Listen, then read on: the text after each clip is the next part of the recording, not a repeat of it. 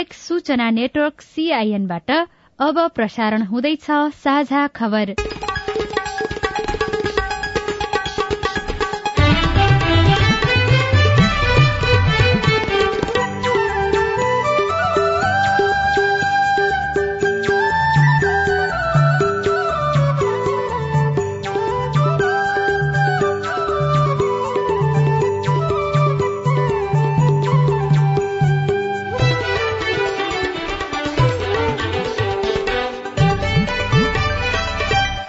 शुभ प्रभात। यो सीआईएनको साझा खबर हो। उषा तामाङसँगै राजन रुचालको स्वागत छ। सामुदायिक रेडियोबाट देशैभरि एकैसाथ प्रसारण भइरहेको साझा खबर सीआईएन खबर डट कम र मोबाइल एप सीआईएनबाट पनि सुन्न सकिन्छ। आज दुई हजार उनासी साल माघ एघार गते बुधबार जनवरी पच्चीस तारीक सन् दुई हजार तेइस नेपाल सम्मत एघार सय त्रिचालिस माघ शुक्ल पक्षको चतुर्थी तिथि।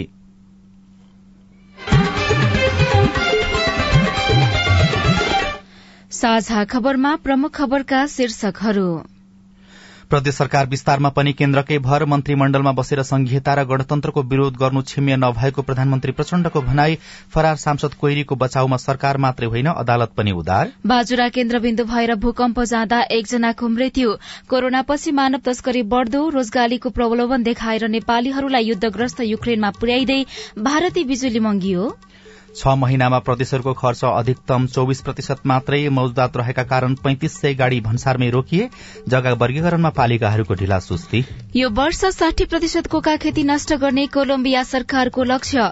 ब्राजिलका यानोमामी आदिवासी समुदायका लागि जनस्वास्थ्य आपतकाल घोषणा। युगाण्डाले पहिलो पटक तेल खाने उत्खनन गर्दै। र मोफसलमा हुने फुटबल प्रतियोगिताको तालिका सार्वजनिक न्यूजील्याण्ड विरूद्धको तीन एक दिवसीय श्रृंखला जित्दै भारत एक दिवसीय वरियताको शीर्ष स्थानमा उक्लियो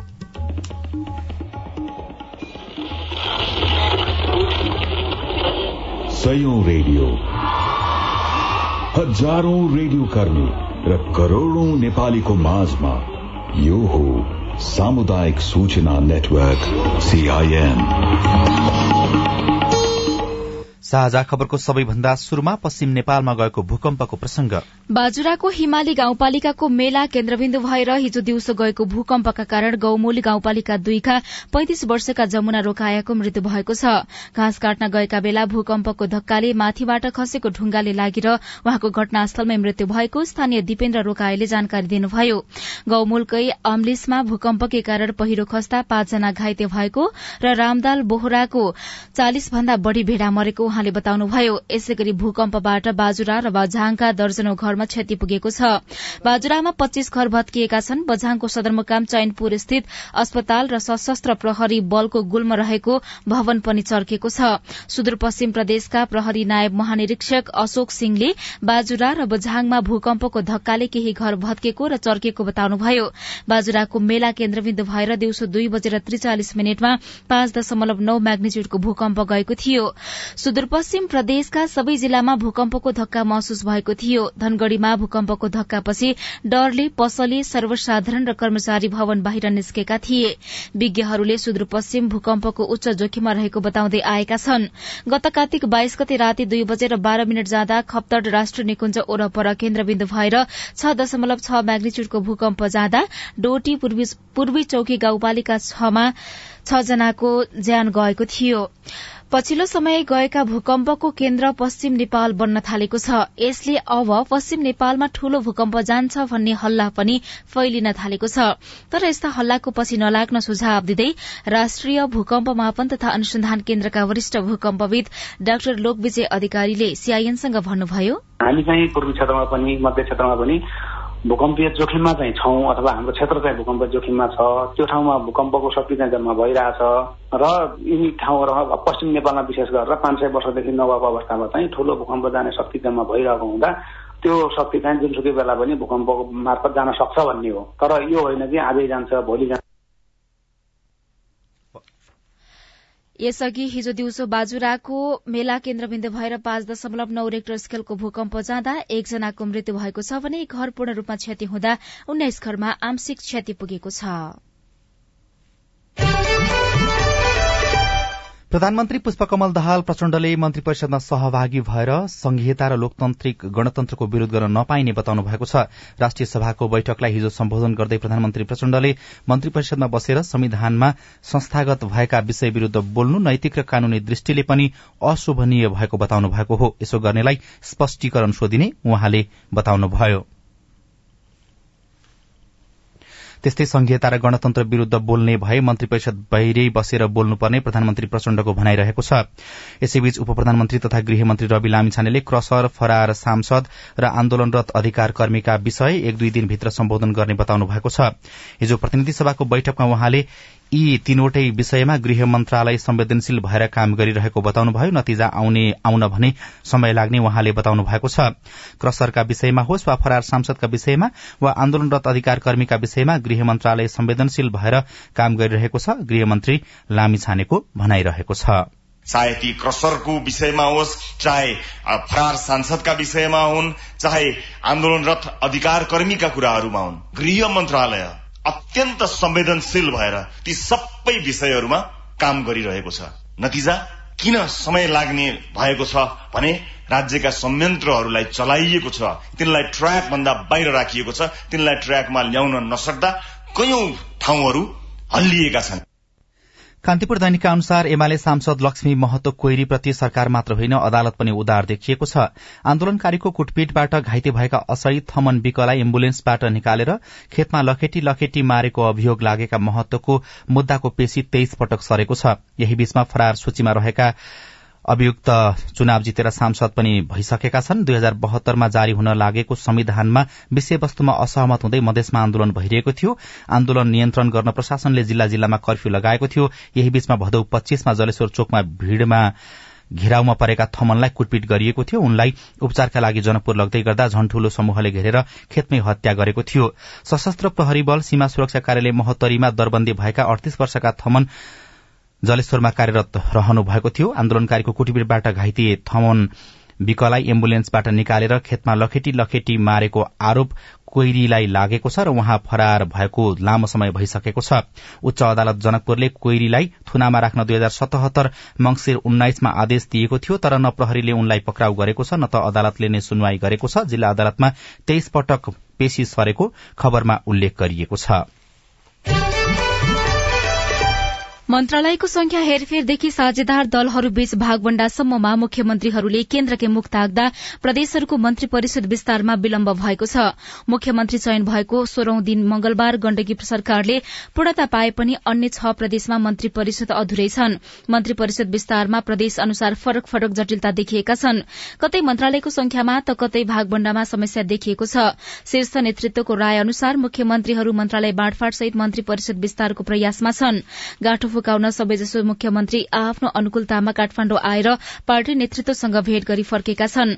अन्य प्रदेशको तुलनामा मधेस र सुदूरपश्चिममा मन्त्री परिषद विस्तारमा बढ़ी कठिनाई देखिएको छ। प्रदेश एकमा सबैभन्दा पहिले मुख्यमन्त्रीमा नियुक्त हिक्मत कार्कीले साझा कार्यक्रमपछि मात्र पूर्णता दिने बताउनु भएको छ। मधेस प्रदेशमा मन्त्रालयमा हाना थाप शपथको एघार दिनपछि तीन मन्त्रीले जिम्मेवारी पाउनु भएको छ। पूर्णता अनिश्चित देखिएको छ। त्यस्तै बागमती सरकारमा आज पूर्णता पाउने अनुमान गरिएको छ। लुम्बिनी प्रदेशमा सबै साझेदारलाई समेट्न सकस भएपछि विस्तार अनिश्चित भएको छ। कड़ाली प्रदेशमा प्रदेशको संख्या विवादले विस्तार रोकिएको छ भने सुदूरपश्चिम प्रदेशमा नागरिक उन्मुक्तिका माग पूरा नहुँदा अलमल देखिएको छ। विकास बजेट खर्च गर्न नसक्दा वर्षेनी आलोचना खेप्दै आएका प्रदेश सरकारले यस वर्ष पनि खर्च गर्न सकेका छैनन्। फलस्वरूप संघीय सरकारको तुलनामा प्रदेश सरकारको अवस्था झन खराब देखिएको छ। चालू आर्थिक वर्ष उनासी अस्सीको पहिलो पाँच महिनामा संघीय सरकारले कुल बजेट मध्ये बत्तीस दशमलव एक दुई प्रतिशत मात्रै खर्च गरेको छ। यसमा विकास बजेट खर्चको हिस्सा चौध दशमलव शून्य पाँच प्रतिशत रहेको छ। यता साथै प्रदेशले भने कुल बजेटको सत्र प्रतिशत मात्रै खर्च गर्दा विकास बजेटको हिस्सा बाह्र दशमलव दुई छ प्रतिशत मात्रै रहेको छ। संघीय प्रदेश र स्थानीय सरकारले बजेट विनियोजन गर्दा विकास बजेटलाई नै प्राथमिकतामा राख्ने गरेका छन्। संघीय सरकारले चालू आर्थिक वर्षका लागि चालू पुँजीगत प्रदेश र स्थानीय तहमा वित्तीय हस्तान्तरण र वित्तीय व्यवस्थातर्फ सत्र खर्ब तिरानब्बे अर्ब त्रियासी करोड़ छ्यानब्बे लाख रूपियाँ बजेट विनियोजन गरेको छ। त्यसमध्ये चालू प्रदेश र स्थानीय तहमा वित्तीय हस्तान्तरण वित्तीय व्यवस्था र पुँजीगत गरी पहिलो छ महिनामा पाँच खर्ब छयत्तर अर्ब चौतिस करोड़ छयत्तर लाख रूपियाँ खर्च भएको छ। प्रदेश एकमा कुल उनाचालिस अर्ब तिहत्तर करोड़ तिरासी लाख बजेट विनियोजन गर्दा चौविस दशमलव आठ प्रतिशत खर्च भएको छ र अन्य प्रदेशको तुलनामा भने अलिकति बढ़िरहेको बताइएको छ। कुल बजेटको सत्र प्रतिशत विकास बजेट खर्च गर्दा हिस्सा बाह्र दशमलव दुई प्रतिशत मात्रै रहेको छ। प्रदेशको तुलनामा विकास बजेट खर्च गर्ने मामिलामा कर्णाली प्रदेश सबैभन्दा कमजोर मानिएको छ। प्रदेश एकले सबैभन्दा बढ़ी खर्च गरेको छ। कान्तिपुर दैनिकले खबर लेखेको छ।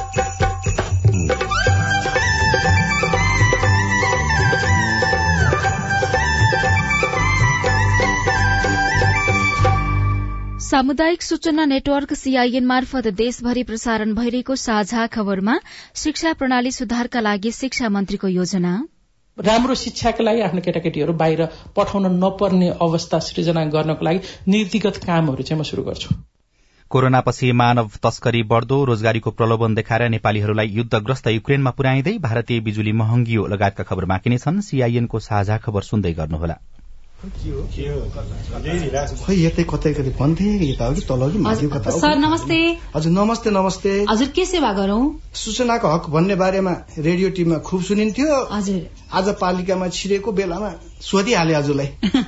तपाईँले सही व्यक्तिलाई सही प्रश्न सोध्नुभयो। म चाहिँ यो पालिकाको सूचना अधिकारी हुँ। सूचनाको हक भनेको संविधान कानूनमा उल्लेख भएको नागरिकको अधिकार हो हजुर। अनि यो अधिकार त पत्रकारले मागे पाए भन्ने मात्रै सुनिन्छ त। हामी जस्तो सामान्य मानिसले कसरी प्रयोग गर्ने? सूचना माग्ने पत्रकारले मात्रै होइन। कुनै पनि नेपाली नागरिकले सूचना प्राप्त गर्ने कारण उल्लेख गरी सम्बन्धित सूचना सूचना अधिकारी समक्ष निवेदन दिनुपर्छ।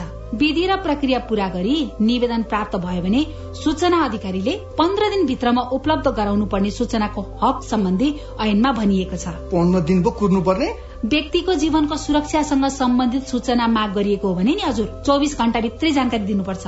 अनि सरकारी वा सार्वजनिक निकायका अधिकारीले सूचना लुकाएमा पच्चिस हजारसम्म जरिवाना हुने व्यवस्था ऐनमा छ। त्यसका लागि चाहिँ राष्ट्रिय सूचना आयोगमा पुनरावेदन गर्नुपर्छ। अनि यो सूचना माग्दा पैसा पनि लाग्छ? लाग्दैन लाग्दैन।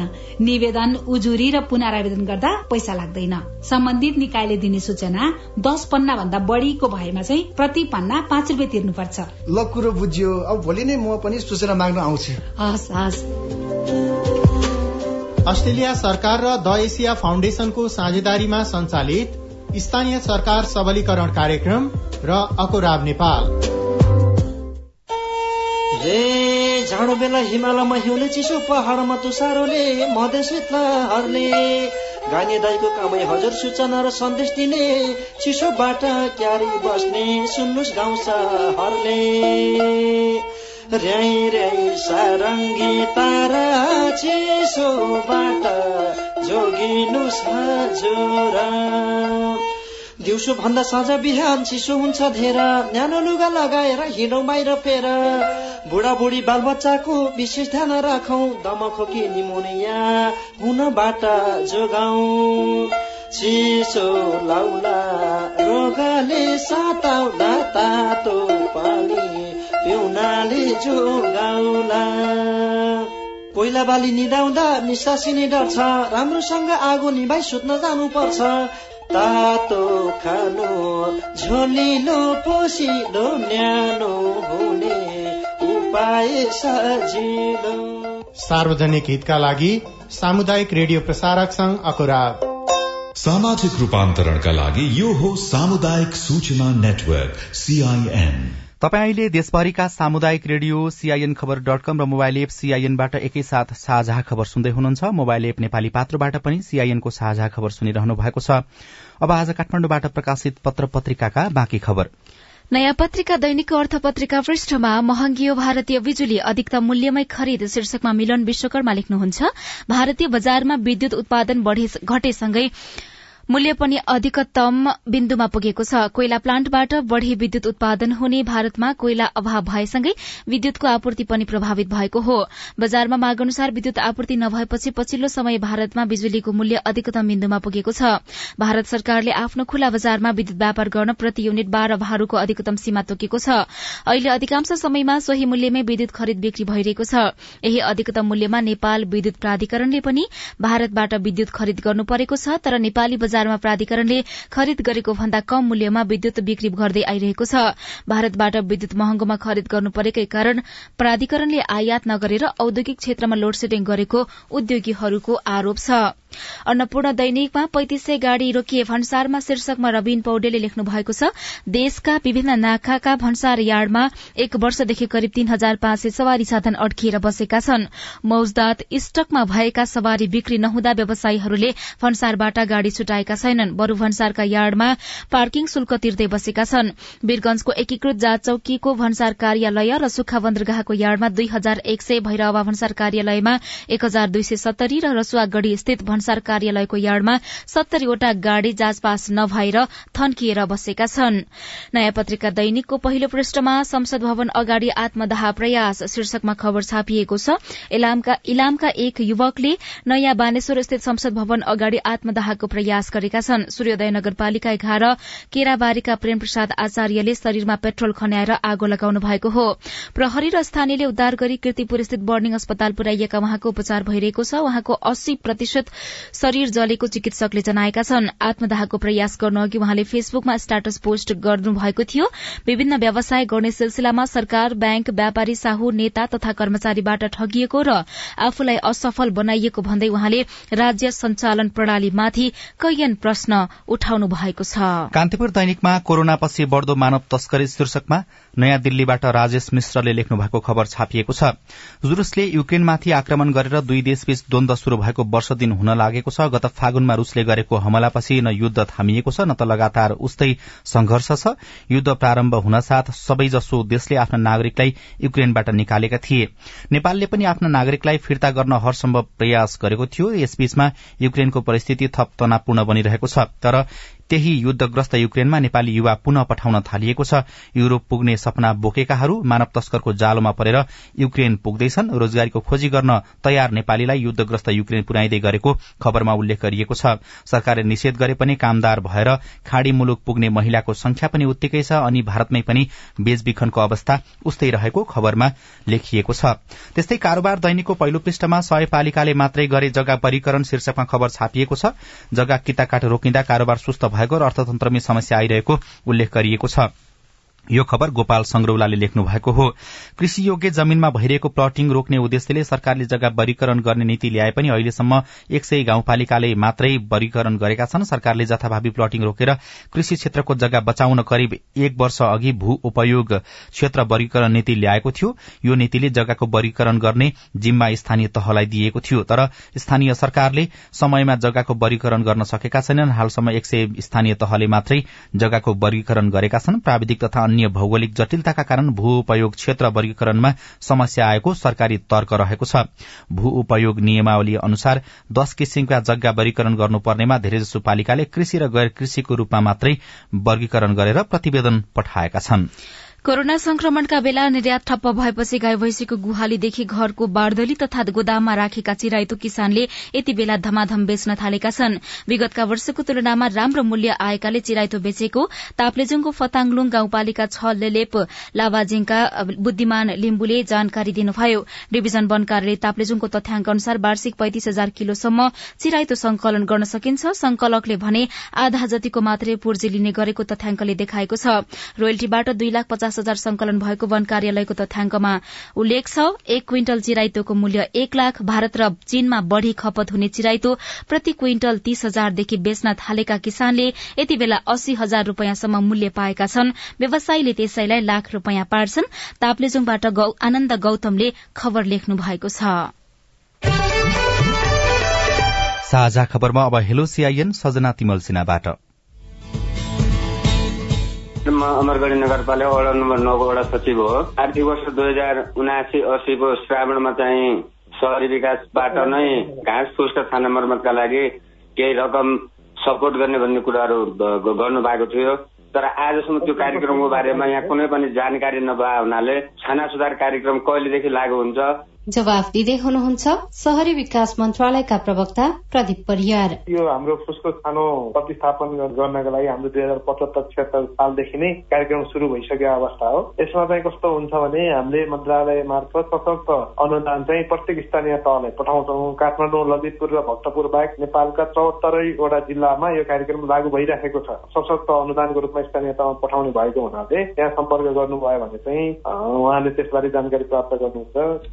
राम यादव मोहतोरीको सुनमा गाउँपालिकाबाट सुन्नमा फोटो सहितको मतदाता नभएले चाहिँ फोटो खिचाएर छ र इलाका प्रशासन कार्यालयको सल्लाह मोहतोरीमा जाँदाखेरि हामीले के सूचना आएकै छैन भनेर। तपाईँको जिज्ञासामा निर्वाचन आयोगका प्रवक्ता शालिग्राम शर्मा पौडेल भन्नुहुन्छ। अहिले यो विवरण बायोमेट्रिक विवरण जिल्ला प्रशासन कार्यालय वा इलाका प्रशासन कार्यालयबाट लिने व्यवस्था छैन। तपाईँले अनलाइन फर्म भरेर तपाईँले आफ्नो बायोमेट्रिकको लागि मिति लिने र सम्बन्धित जिल्ला निर्वाचन कार्यालयमा गएर त्यो विवरण दिएपछि तपाईँको मतदाता नामावली संकलन हुन्छ। म सिन्धुपाल्चोक जिल्ला सुनकोशी गाउँपालिका वार्ड तिनबाट म देवी प्रसाद न्यौपाने। म गएको स्थानीय निकायको निर्वाचनमा म सुनकोशी गाउँपालिकाको प्रमुखमा उम्मेदवारी दर्ता गराएर चुनाव लडेँ अहिले आएर तिन लाख रुपियाँ निर्वाचनमा तिर्न पर्छ भन्ने कुरो छ हामीसँग तिन लाख होइन तिन सय रुपियाँ पैसा छैन अब यो हामीले पार्टीले तिर्ने कि अथवा सरकारले मिलाउने कि अब हामी जस्तो धेरै उम्मेद्वारहरूले यो के भन्छ ब्ल्याक लिस्टमा छ अरे विदेश जान पाउँदैन अरे भनेर भन्ने पनि हल्ला सुनिन्छ यो प्रश्न पनि हामीले पौडेललाई नै सुनाएका छौँ अब आयोगले तपाईँलाई मिना दिन सक्ने अधिकार पनि छैन आयोगले अब पुनर्विचार गर्ने अधिकार पनि छैन। कानूनमा जरिवाना बुझाउनु पर्ने व्यवस्था थियो। आयोगले केही निर्णय गरेको हो। यो छ महिनाभित्र बुझाउनु पर्ने हुन्छ। त्यो भनेको फागुन मसान्तसम्म हो। अब अरू कुनै निकायबाट अथवा कम्पिटेन्ट निकायबाट अन्यथा निर्णय नभएसम्मका लागि अहिले उक्त रकम बुझाउनै पर्ने हुन्छ। तपाईँ जुनसुकै बेला हाम्रो टेलिफोन नम्बर शून्य एक बान्न साठी छ चार छमा फोन गरेर आफ्नो प्रश्न जिज्ञासा गुनासा अनि प्रतिक्रिया रेकर्ड गर्न सक्नुहुनेछ। साझा खबरमा अब खबर। लागौषध नीतिमा परिवर्तन गरेपछि कोलम्बिया सरकारले दशकौंदेखि गर्दै आएको अवैध कोका खेतीलाई रोक्ने भएको छ। विश्वको सबैभन्दा बढ़ी उत्पादन हुने लागौषध कोकेनको कच्चा पदार्थ कोका खेती सन् दुई हजार एक्काइसमा दुई लाख चार हजार हेक्टरमा गरिएको अनुमान छ। कोलम्बियाको राष्ट्रिय प्रहरीले सन् दुई हजार तेइसमा साठी प्रतिशत कटौतीको घोषणा गरेको छ। अवैध सुन खानीका कारण ब्राजिलका यानोमामी आदिवासी समुदायका लागि जनस्वास्थ्य आपतकाल घोषणा गरिएको छ। घोषणापछि आदिवासी स्वास्थ्य सचिव वैवे तपेवाले भेनेजुएलाको सिमानामा रहेको यानोमामी आदिवासीको बसोबास रहेको क्षेत्रबाट सरकारले खानी कामदारहरूलाई हटाउनुपर्ने बताउनुभयो। करिब बीस हजार अवैध सुन खानीहरूको आक्रमणले त्यहाँका नदी दूषित गर्दा माछा लगायत यानुमामी समुदायले प्रयोग गर्दै आएको खानामा असर पुगिरहेको छ भने यसैका कारण कुपोषण र मलेरियाको सामनासँगै बालबालिकाको कपाल झर्ने समस्या बढ़ेको छ र युगाण्डाले पहिलो पटक तेल खानीमा उत्खनन कार्य शुरू गरेको छ। सन् दुई हजार पच्चीसमा पहिलो तेल उत्पादन गर्ने लक्ष्य अनुसार युगाण्डाले किङ फिशर तेल क्षेत्रमा उत्खनन शुरू गरेको हो। अब खेल खबर अखिल नेपाल फुटबल संघ एन्फाले मफसलमा आयोजना हुने नकआउट प्रतियोगिताको तालिका सार्वजनिक गरेको छ। एन्फाले हिजो माघबाट चैतभित्र आयोजना हुने विभिन्न नकआउट प्रतियोगिताको तालिका सार्वजनिक गरेको हो। नेपाल प्रहरीको केन्द्रीय अनुसन्धान ब्यूरो सीआईबीले नेपाल टी ट्वेन्टी लीगमा चार नेपाली सहित कुल दस जना संलग्न रहेको जनाएको छ। सीआईबीले हिजो पत्रकार सम्मेलन गर्दै नेपाल टी ट्वेन्टी लीगमा फिक्सिङ र अनियमितताबारे जानकारी दिएको हो जसमा नेपालबाट एक मात्रै खेलाड़ी संलग्न रहेको जनाएको छ। हालसम्मको अनुसन्धानमा नेपाल टी ट्वेन्टी लीगमा दश व्यक्ति फिक्सिङ र अनियमिततामा जोडिएका छन् त्यसमध्ये चारजना नेपाली रहेको सीआईबीले जनाएको छ जसमा एक खेलाड़ी तीनजना अन्य व्यक्ति रहेका छन्। बाँकी छजना विदेशी रहेको सीआईबीको भनाइ छ। र भारतले तेस्रो तथा अन्तिम एक दिवसीय क्रिकेटमा न्यूजील्याण्डलाई नब्बे रनले हराउँदै आईसीसी वरियतामा शीर्ष स्थानमा उक्लिएको छ। भारतले तीन एक दिवसीय खेलको श्रृंखलामा तीनै खेल जितेको छ। हिजो भएको अन्तिम खेलमा जितका लागि तीन सय छ्यासी रनको लक्ष्य पछ्याएको न्यूजील्याण्ड एकचालिस ओभर दुई बलमा दुई सय पञ्चानब्बे रनमा अल आउट भएको थियो। शिक्षालाई गुणस्तरीय र सर्वसुलभ बनाउने योजना के छ? नवनियुक्त शिक्षा मन्त्रीसँगको रेडियो कुराकानी। अरू खबर र कार्टुन पनि बाँकी नै छ। सीआईएनको साझा खबर सुन्दै गर्नुहोला। बाल विवाह विरूद्ध धर्मगुरूहरूको प्रतिबद्धता। वैदिक साहित्यमा बाल विवाह छैन। बाल विवाह हाम्रो मण्डली अन्तर्गत भएको छैन। हाम्रोमा बाल विवाह हुँदैन। यो मुद्दुमले भनेको कुरा हो र हाम्रो व्यवहारमा त्यस्तो नै छ। राधामिस गीता बाइबल कुरान वेद लगायतका सबै धर्मका ग्रन्थहरूले बाल विवाह गर्नुहुन्न भनेको भनेर धर्मगुरूले रेडियोबाट भनेको सधैँ सुन्ने गरिन्छ। तर किन बाल विवाह अन्त्य नभएको होला? हाम्रो नगरलाई बाल विवाह मुक्त गराउन अब के गर्ने होला? त्यो त हो नगर प्रमुख ज्यू। भनेर मात्रै पुग्दैन। सबै धर्मका धर्मगुरूहरूले म बाल विवाह गराउने काममा संलग्न हुन्न भनेर प्रतिबद्धता जनाउने र अरूलाई पनि त्यस्तै सिकाउने कार्य गर्न सके मात्रै त्यो कार्य प्रभावकारी हुन्छ। अनि बाल विवाह विरूद्ध काम गर्ने संघ संस्थाहरू र तपाईँहरू जस्ता स्थानीय सरकारले पनि धर्मगुरू र धार्मिक अगुवाहरूलाई यो अभियानमा सँगसँगै सहभागी गराएर अघि बढ़ाउन सके। बाल विवाह लगायतका हानिकारक परम्परागत अभ्यास अन्त्य गर्न सकिन्छ। हुन्छ राधा मिस म त्यसै गर्छु। ओल्ड भिजन इन्टरनेशनल नेपाल र अकुराब। सामाजिक रूपान्तरणका लागि यो हो सामुदायिक सूचना नेटवर्क सीआईएन साझा खबरमा अब शिक्षा सुधारका लागि सरकारको योजना। चुनावसँगै संघीय सरकार गठन र विस्तार भइसकेको छ। सरकारमा नयाँ राजनैतिक दल र व्यक्ति पनि सहभागी भएपछि नागरिकमा केही आशा र भरोसा पनि देखिन्छ। शिक्षा सुधारका लागि नीतिगत र व्यावहारिक समस्या समाधान गर्ने योजना के छ?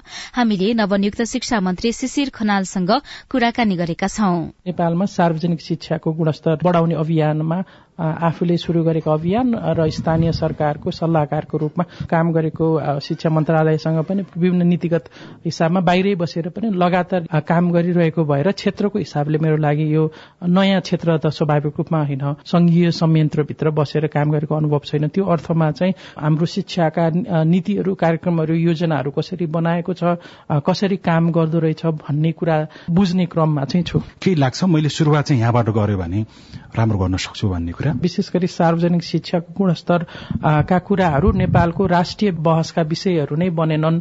सरकारमा सञ्चालनमा हुने व्यक्तिहरूले यसलाई जुन किसिमको प्राथमिकतामा राख्नुपर्ने थियो त्यो प्राथमिकतामा राख्नु भएन। त्यसैले गर्दा पनि म संसदमा जान्छु भनेर मेरो चुनावको अभियानमा नै मैले एकदमै धेरै शिक्षामा काम गर्नुपर्छ भन्ने हिसाबले नै मैले अभियान सञ्चालन गरेको थिएँ। नीतिगत कुरामा अथवा व्यावहारिक कुरामा चाहिँ यहाँको आकर्षण अथवा रुचिको विषय चाहिँ के छ मन्त्रीजी? पढाइको हिसाबले म सार्वजनिक नीतिको पढाइ गरेको मान्छे हो। मेरो मास्टर्स पोलिटिकल इकोनोमी र पब्लिक पोलिसीमा अमेरिकाबाट।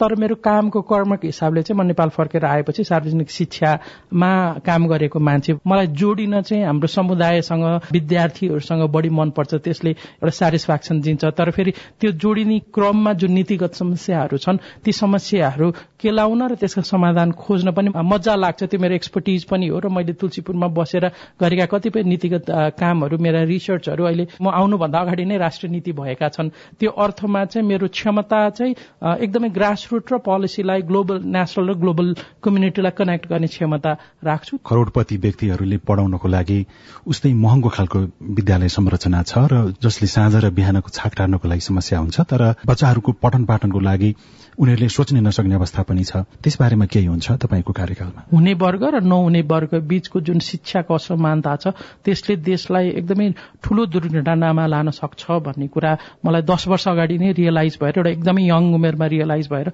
मैले एउटा अभियान शुरू गरेँ। पछिल्लो दस बाह्र वर्ष गरेका कामहरू निरन्तर रूपमा यो खाडल कसरी मेट्न सकिन्छ भन्ने कुरामै लागेको भएर पदीय दायित्वले दिएको छ ती कुराहरूमा म हरसम्भव प्रयास गर्छु। तपाईँ मन्त्री भइसकेपछि शिक्षकहरूले तपाईँबाट अपेक्षा के गर्ने? मैले देखेको समस्या चाहिँ के छ भने शिक्षकहरूलाई राइट मोटिभेसन छैन। प्रेरणा गर्ने कुरा चाहिँ गर्ने कुरामा एकदमै कम छ। मलाई धेरै शिक्षकहरूले देशैभरिका शिक्षकहरूले हामीले राम्रो काम गरे पनि नराम्रो काम गरे पनि हेरिदिने कोही छैन। विशेष गरी सरकारी विद्यालयको शिक्षकहरूले भन्नुहुन्छ कुनै कक्षा कोठामा लगेर तालिम मात्रै होइन उहाँहरूलाई गरिने पृष्ठपोषण महत्वपूर्ण हुन्छ भन्ने मेरो बुझाइ हो।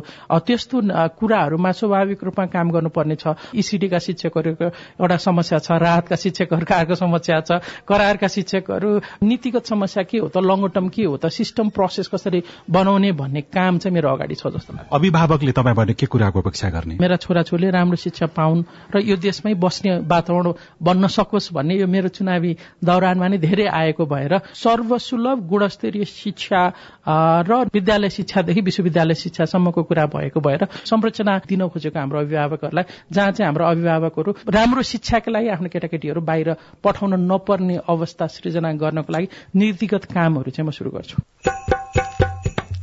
कुराकानीसँगै हामी साझा खबरको अन्त्यमा आइपुगेका छौं। सामुदायिक रेडियो प्रसारक संघद्वारा संचालित सीआईएनको बिहान छ बजेको साझा खबर सक्नु अघि मुख्य मुख्य खबर फेरि एकपटक। प्रदेश सरकार विस्तारमा पनि केन्द्रकै भर मन्त्रीमण्डलमा बसेर संघीयता र गणतन्त्रको विरोध गर्नु क्षम्य नभएको प्रधानमन्त्री प्रचण्डको भनाई फरार सांसद कोइरीको बचाउमा सरकार मात्रै होइन अदालत पनि उदार। बाजुरा केन्द्रबिन्दु भएर भूकम्प जाँदा एकजनाको मृत्यु।